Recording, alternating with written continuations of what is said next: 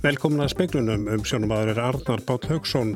Barir og skemmtistæðir opna og fleiri mega sækja leiksýningar, messur, vestlanir og söfni þegar að tilslaganir á sótvarnareglum taka gildi á mánundagin kemur.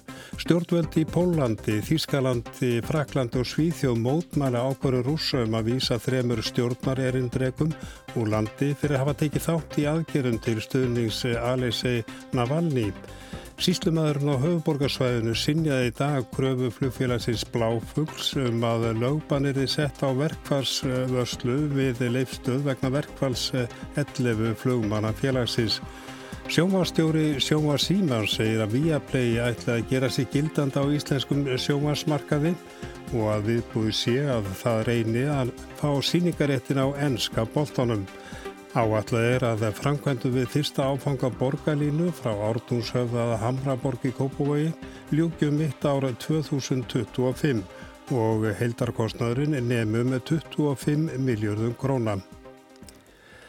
Barir og skemmtistæðir opna og fleiri mega sækja leiksýningar, messur, vestlanir og söpn þegar tilslaganir á sótvarnareglum að taka gilda á mánudaginn. Heilbriðisráð þeirra segir breytingarnar varfærnar en fyrirkomulagi á landamæranum verður óbreytt.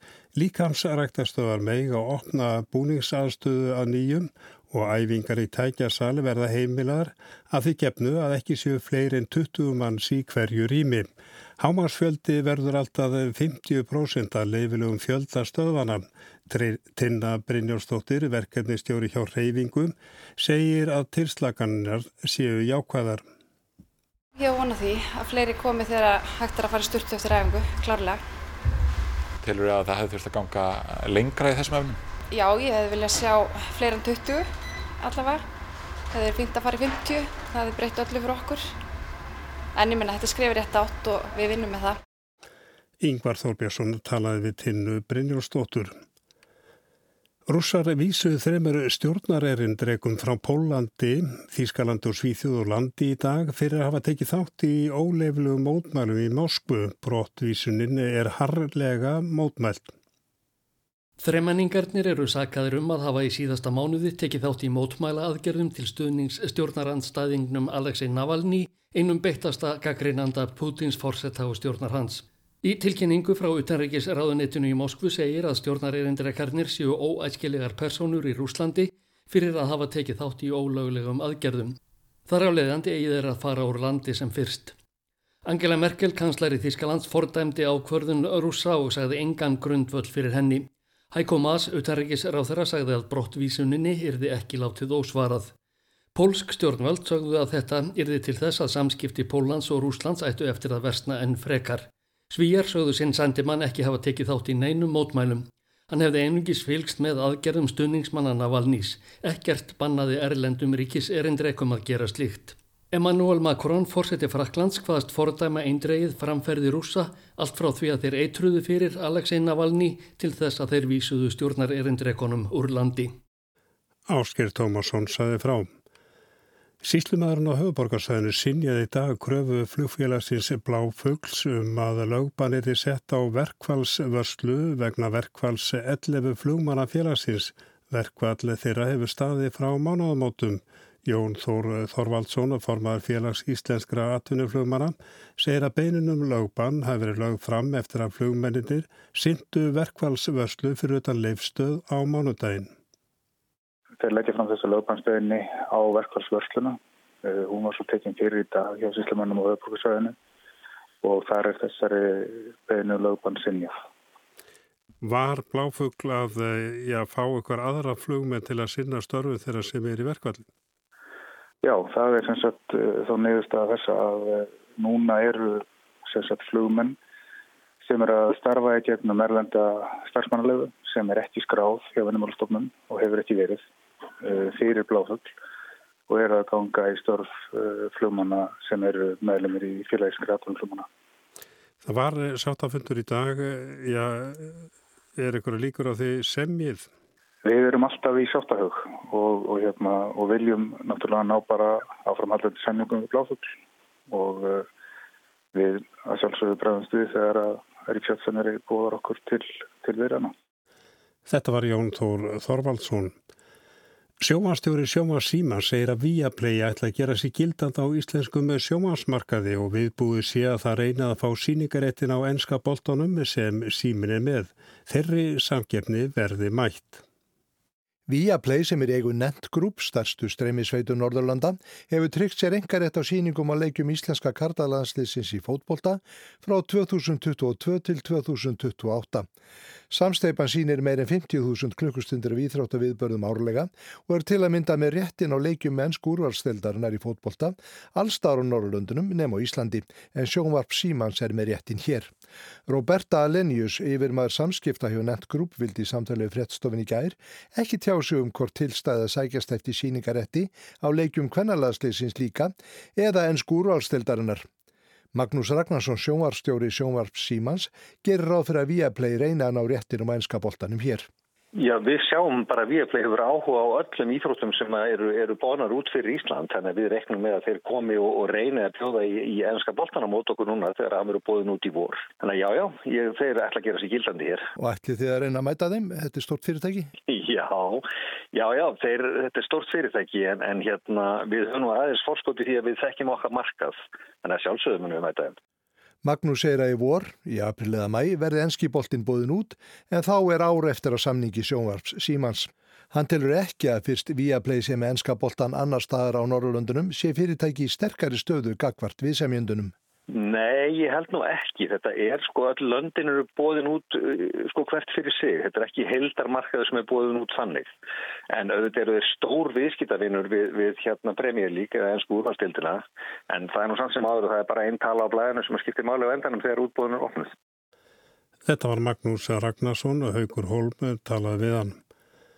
Ekki verið farið fram á framlengingu gæsluvarhalds yfir Karlmann á 60 aldri sem grunar um að hafa skoti með rifli á bíli fjölskyldu dags B. Eggessonar borgarstjóra. Gæsluvarhaldi rann út síðdeis í dag.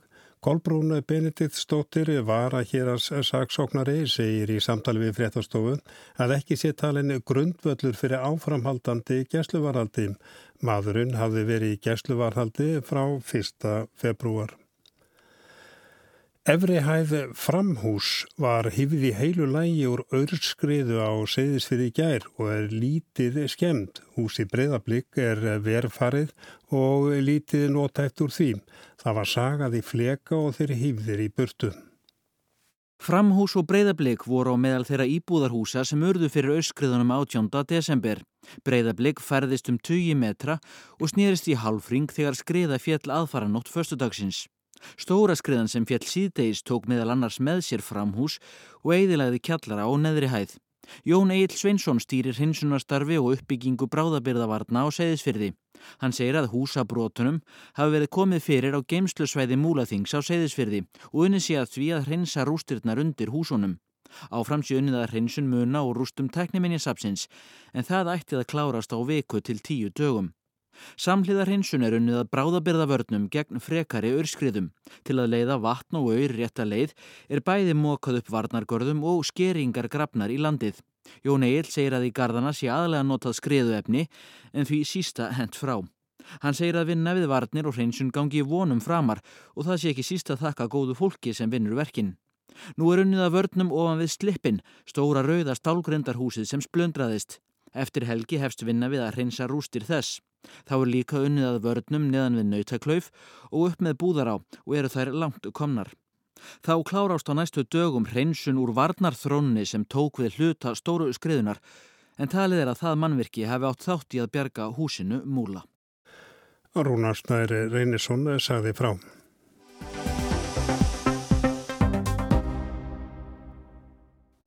Áallega er að framkvæmdu við fyrsta áfanga borgarlínunar frá ártúnshöfða að Hamraborg í Kópóvi ljúkju mitt ára 2025 og að heildarkostnar við verkið nefnum 25 miljardum krónar. Borgarlínan mun líkju með brú yfir fossógin. Getur á fyrir að alltaf 24 metra langir vagnar aðgjum línuna. Samkvæmt samgöngusáttmála sem ríki og sveitarfélög á höfuborgarsvæðinu hafa gert er stemt á því að verja 120 miljardum króna til vegamála og innviðan á næstu 15 árum. Betri samgöngur OHF sem er í eigu ríkis og sex sveitarfélaga stóð fyrir kynningu á fyrirhugum samgöngu framkvæmdum á næstu árum á höfuborgarsvæðinum. Árni Mattisinn er formadur félagsins Davíð Þorláksson en íráðum framkvæmdastjóri kynnti fyrirhuga starfsemi félagsins og hlutverk þess. Eh, markmiðin eru skýr. Þau eru í fyrsta lagi greiðari samgöngur og fjölbreyttari ferðamáttar. Í öðru lagi au, aukiðum öryggi Í þriðalagi kólimnis hlutlaust samfélag og í fjörðalagi samvinna og skilvirk framkvæmt.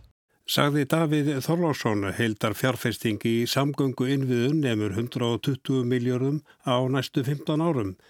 Reyndar eru þessi ári miður við árið 2019 þegar samgöngu sáttmálinn var undirritaður og fram til ásins 2033.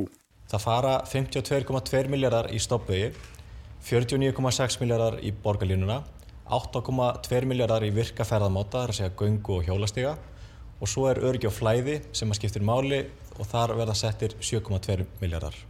Fleiri verkefni e, félagsins félagst líka í fjármögluninni. E, Íslenska ríki leggur til Kjeldnalandið sem okkur er falið að þróa og allur, alla tekjur sem koma að því munu renna óskiptar til þessara fjárfestinga. Síðan er annað sem að kemur kannski til ef að alþengi ákveður að leggja á uh, flíti og einfærgjöld þá verður okkur falið að innhemta þau hér á höfburgsæðinu. Fjárútlátinni dreifast yfir tímabilið en mestur þungin verður á árunum 2023 til 2025. Þá er gert ráð fyrir að um 14 miljardar fari árlega í samgöngu bætur. Ég vil bara lókum segja þetta. Við búum hérna við uh, einstakt tækifæri stöndum fram með fyrir einstöku tækifæri til þess að styrta ferðartíma og bæta þar með líf íbúana og höfbrukarsæðinu. Bergþóra Þorkelsdóttir vegamálastjóri segða að dagurinn í dag væri uppskeru dagur sem beðið verið eftir með eftirvæntingu. Við lifum á tímum þar sem ferðartíðni fer sífælt vaksandi og það er alveg klárt að, að þær segja, hérna, umferðartafir sem við þekkjum í dag þar verða bara meiri eftir því sem tími líður ef ekkert er aðgert. Hún sagði að gert væri ráð fyrir að íbúa fjöldina á höfuborgarsvæðinu ætti eftir að aukastu með 10 til 15.000 manns fram til ásins 2024. Um leið og samgöngusáttbólinn tekst á við samþættingu á frambóði á, fyrir ólika ferðarmóta þá hefur hann skýr markmið um það að stitta ferðartíma fólks, auka lífskeiði en líka að minka kólefnisspor og koma á vistvætni samgöngum og breyttum ferðarvenjum. Þetta er engar smá áskoranir sem við stöndum fram með fyrir. Hrafgell á proppi, verkefnastjóri borgarlínunar, kynnti fórsöndur og drög að fyrstu lótuð áfanga borgarlínunar. Í gróðandráttum mun línan likja frá ártúnshöfðan um Suðurlandsbrauta Lemmi þaðan um hverfirskuti í miðborgina að Háskóla Íslands yfir fórsvögin að Karsnesi og loksað Hamraborg. Rappgjell bent á að höfuborgarsvæðið væri örum vexti. Og í hverju viku bætast að jafnaði um 99 einstaklingar við þann fjölda sem fyrir er hér til heimilis. Sá fjöldi rúmast í átjónfullum fólkspílum eða einum stafffullum strætó. Á næstu áratöðum að búast við að íbúar höfuborgsvæðisins nái 300.000 sem telst meðalstór borg í hinnum vestunan heimi. Álægið á gatna og samgöngugerfin er því alltaf að aukast og nöðsynlegt að dreifa ferðum á fleiri faramóta og fjölga raunhafum umhverfisvænum valkostum.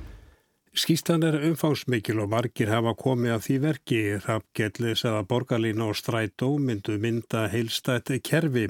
Áallega er að það samgöngukerfi verði byggt upp fram til ásins 2034.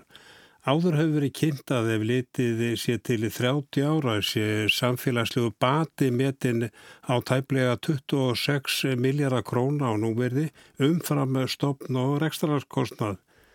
Og það er gert ráð fyrir sér brautum fyrir borgarlínuna þar sem vagnarnir aga um.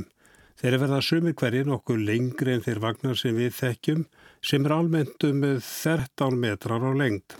Hönnuna viðmegin gera ráð fyrir því að vagn alltaf 24 metrar að lengt geti ekki þeirum. Þó það megi gera ráð fyrir því að stittir í vagnar muni duga til að byrja með. Þá sína fyrstu farþegarspár að fljótlega verður þörfu á afkastamýri vögnum. Það er því mikilvægt að huga að því í upphafi þannig að pallar við stöðvar muni duga til langra framtíðar. Við stöðvar er hort til algildrar hönnunar og huga vel að öryggi vistvarna vegferanda sem eiga leið til og frá hverju stöð. Þar sem því verið komið við er gert ráð fyrir auka borgarlínu, agbrautum fyrir bíla, gangstétum og hjólabrautum. Þessar kjör aðstæður eru þó ekki alltaf fyrir hendi, sérstaklega ekki í eldri hluta byggðarinnar. Og því gera tillögurnar í nokkrum tilfellum ráð fyrir tilslökunum á sérrýminu eða tilslökunum á rými agandi eða hjólandi. Gulu vagnarnir sem við þekkjum um eru líka agum borgarlínu brautina. Þessi fyrsta framkvæmdalóta mun liggja frá Ártúnsöða í Reykjavík yfir nýja brú yfir Elleðavoga, gegnum Suðurlandsbraut að Hlemmi, um miðborgina og háskólasvæðin við Vasmíri, yfir nýja Forsbóksbrú að Hamraborg. Við mótum frumdra var skoða sérstaklega að taka sveig inn á svæði Háskóla Íslands til að þjóna því betur og var svo niðurstaðan. Í heild eru þetta 14,5 km af göturými þar sem borgarlínubrautir muni liggjum. Einnig er verið að leggja ríflega 18 km af nýjum hjólastígum og ríflega 9 km af nýjum göngustígum. Kostnaðar á allum frumdraga gerir ráð fyrir að sá hluti sem samgöngusáttmálinn stendur undir, borgarlínan og sameilir hjólastígar, kosti 18,6 miljardar. Heldarkostnar framkvæmdarinnar er metin upp á tæpa 25 miljardar. Það er ágært að fjölmyndi hverfi byggist upp á ártúnshöfðam þar sem annar endi fyrstu lótuð áfanga borgarleinu verður. Þar verður krossmýrartorg á mótum stórhöfða og breyðhöfða. Næstileggur fer um Suðurlandsbrötina að hlemmi. Þriðileggurinn liggur frá hlemmi og um miðborgina. Á þeim legg eru sex stöðvar en tvær þeirra einungis öðru megin þar sem ekið verður sikkoru megin tjarnarinnar líkt og gert er nú í dag. Fjörðileggur liggur svo um Háskóla Íslands að BSI. Það er gríðarlega mikil uppbygging framöndan á háskólusæðinu og mikilvægt fyrir allt umferðarflæðið á höfbruksæðinu að því sé þjóna vel með öflugum almenningssangangum. Fymtileggur liggur svo frá BSI um Vasmíri að Fossósbrú nýri brú sem nefnt hefur verið hér til Söguland. Á þessu svæði er einni mjög mikil uppbygging. Hér er farið um landsbytalasvæðið og hefur verið unnið að útfæslu þar í nánu samstarfi við nýjan landsbytala. Stöð verður við meðferðarkjarnan sem nú er í byggingu og mun þjóna bæði þeim sem þarf vinna og þeim sem þangar þurfa að sækja. Leiðin liggur svo um nýja, ný uppbyggingasvæði við hlýðarenda og Háskólan í Reykjavík að nöðtólsvíkinni. Síðasti leggurinn er, er um Kásnesið í Kópavogi. Ný brúið yfir Fossvóg er mjög mikilvæg og mun bæta tengingar millir Vasmírar og miðborgarinnar við Kópavóg og allan söðu hluta höfuborgarsæðisins. Við brúarendan á Kásnesi er farið um uppbyggingasvæði yfir á Borgarhólsbraut og að Hamraborg. Á þessu svæði er farið um rótgróðu umhverfi sem er mikil áskorun og gera, gera tillögurnar ráð fyrir töluverðum tilslökunum á, á sérriminu hér. Þetta var Rappkell á Proppe.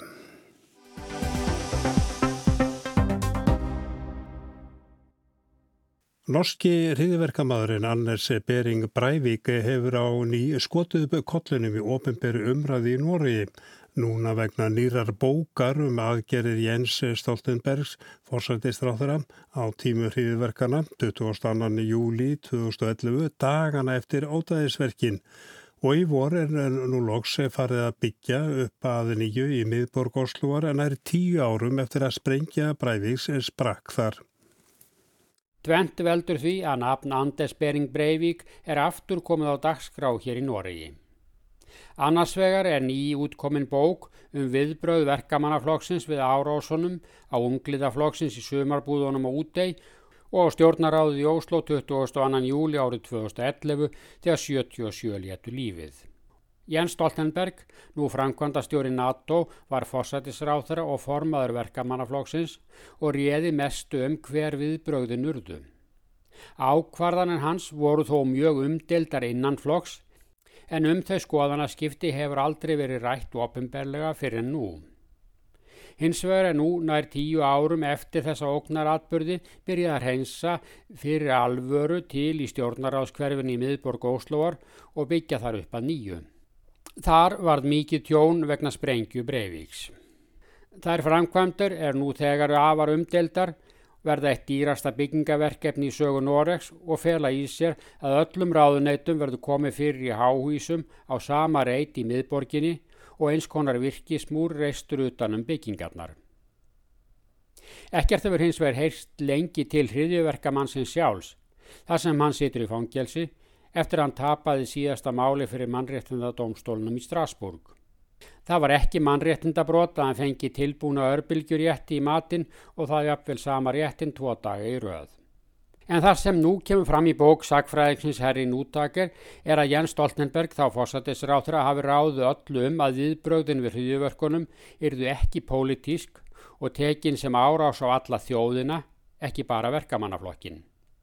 Aðrir voru móti Jens og þar á meðal Raymond Johansen, þá framkvæmdastjóri flokksins og nú borgarstjóri í Ósló. Tveir stjúpsinnir hans voru á útei en lifðu af. Ræmond og þeir sem fylgdu honum að málum vildu bregðast við hriðverkunum sem pólitískri árás á verkamannaflokkin og að framfara flokknum yrði ekki hlýft við tengslum við Anders Bering Breivik. Breivik hafði gengt trúnaðastöðum fyrir flokkin í Óslo og einstaka framáman í framfaraflokknum hefðu tekið undir hugmyndir líkar þeim sem Breivik trúði á. Eins konar þegjandi samkómulega myndaðust um að ræða þennan þátt hruðjuverkan aldrei og það réði stefna Ján Stoltenberg. En þarna var um að ræða samsæriskenningu þá átt að verkamannaflokkurinn, Evrópusambandið og múslímar væri í vanheilugu bandalægi um að útrýma norskri menningu og skipta um þjóð í landinu. Breivík reyndi að vekja aðtikla á samsærinu með því að senda aftenpóstin lesendabref en fjekktu ekki byrt. Hann sæðist þá hafi verið tilneittur til að grípa til voðaverka svo fólk áttaði sig á hvað var að gerast í landinu. Núna beinist einni aðtiklin að samsæriskenningum og áhrifum þeirra í ljósi þess sem gerst hefur í bandaríkjónum. Það sem óraugstullar fullirðingar um duðlinn samsæri hafa verulega áhrif á stjórnmálinn. Þetta á engum við um auðgasennaða menn til hægri, rétt eins og Breivík. Það minnir svo enn á ný og nú áþreifanlega á hríðiverk Breiðiks að núna eru hafnar framkvæmdir við nýtt stjórnaráðskverfi í miðborg Óslóvar. Stjórnaráðshúsið og nokkur nærlingjandi hús hafa staðið ónótuð nær tíu ár og svæðið lokað fyrir umferð. Núna er komið niðursta í hvað ber að gera. Ný háhísegar ísa á stjórnaráðsreitnum við hlið aðalbyggingarinnar sem stóð af sér ára á Spreivíks. Alltaf að kosta jafnverðum 5-600 miljardar íslenskra króna á samtum úr umhverfi stjórnar á spyggingarnar. Þetta hefur verið gaggrínt og skipulagið byggist á því að mæta og verjast næsta hriðjúverki. Á sama tíma er verið að koma upp öryggiskyrðingu umhverfis konungsvallina. Þar hefur allt verið opið til þessa. Gaggrínendur segja engin ógn sé yfir vofandi, en svo var ekki heldur þegar Breivik létt til skarar skrýða. Engin ríkistjórn, ekki heldur marga ríkistjórnir verkamannaflokksins, hafði aðhafst nokkuð til að tryggja öryggistjórnararspyggingana og fólksins sem þar vinnur. Og þetta var Gísli Kristjánsson í Oslo.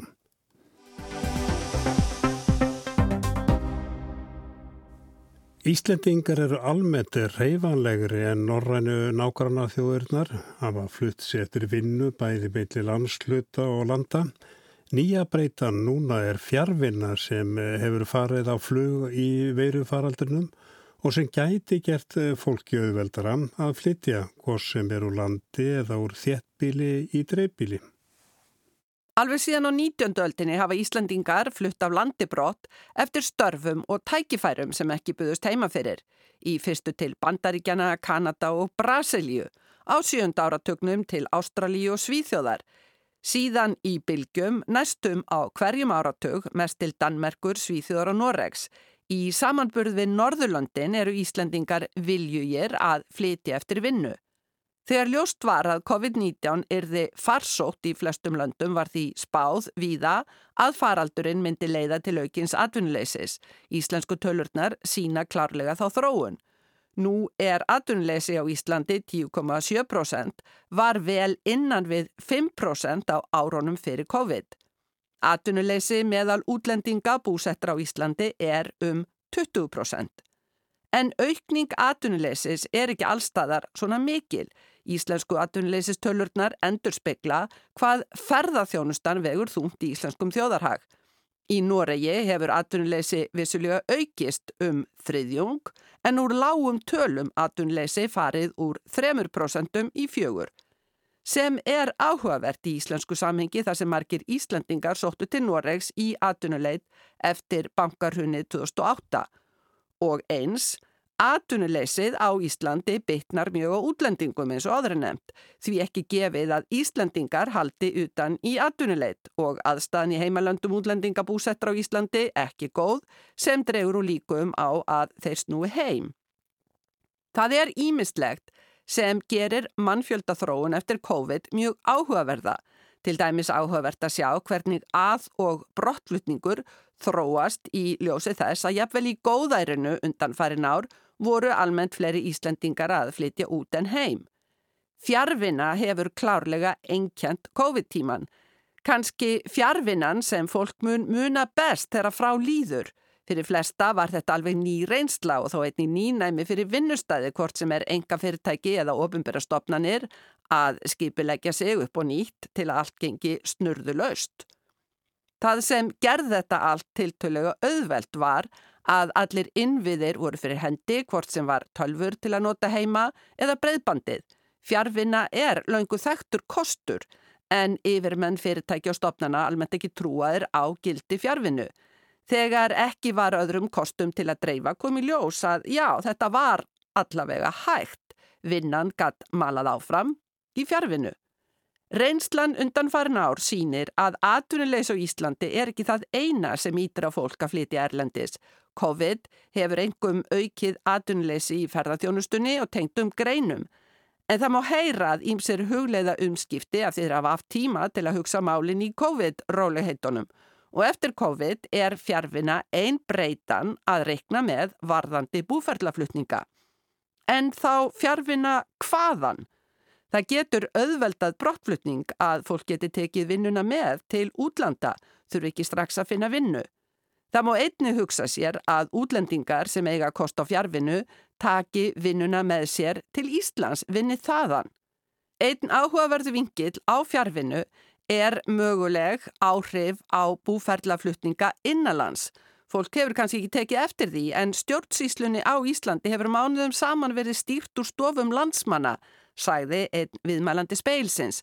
Það má því leika sér að þeirri hugmynd að fólk hugsi sér að flytja ekki endilega til útlanda, heldur til dæmis úr þjættbíli í dreifbíli á Íslandi. Miðað við höfuborgarsvæðið er víða ódýrt húsnæði að hafa út á landi. Með fjárvinu er það raunhafur kostur að flytja frá Reykjavík út á land að þess að vera þá háður atunuframbúðar. Sama er að gerast víða Erlendis. Í fyrsta skipti í 30 ár stefnir í að íbúum London fækki. Könnun á vegum borgaráðsins í London í fyrra sumar síndi að strax þá hugleitu 14% borgarbúa að flytja úr borginni vegna COVID. Hugsanlega styrti veirufaraldurinn áhuga sem var þegar fyrir hendi. Reynslan sínir að Íslandingar eru óbangnir við að flytja. Fjárvina er nú nýja breytan í brottflutningsdæminu hvort sem er til útlanda eða innanlands. Sigrun Davistóttir saði frá og við lítum til veðus austan kaldi á morgun en strekkingur með söðuströndininn jél sunnan á austalands annars bjartað mestum hiti um eða undir frostmarkim. Og við sögðum meðal annars frá því í speiklunum í kvöld að barir og skemmtistæðir opna og fleiri megasækja leiksýningar, messur, vestlanir og söfn og líka var í rektina þegar tilslaganir á sótvarnareglum með taka gilda á mánundaginn. Heilbriðisráður að segja breytingarnar að varfærnar en fyrirkomlega landamaranum verður óbreytt. Og uh, síslumarinn á höfborgarsvæðinu sinja í dag kröfu flugfélagsins Bláfugls um að lögbannir er sett á verkfallsvörslu við leistuð vegna verkfalls 11 flugmanna félagsins. En það er ekki fleira í speklinu kvöld. Tæknumar var Mark Eldreit, verið sæl og góða helgi.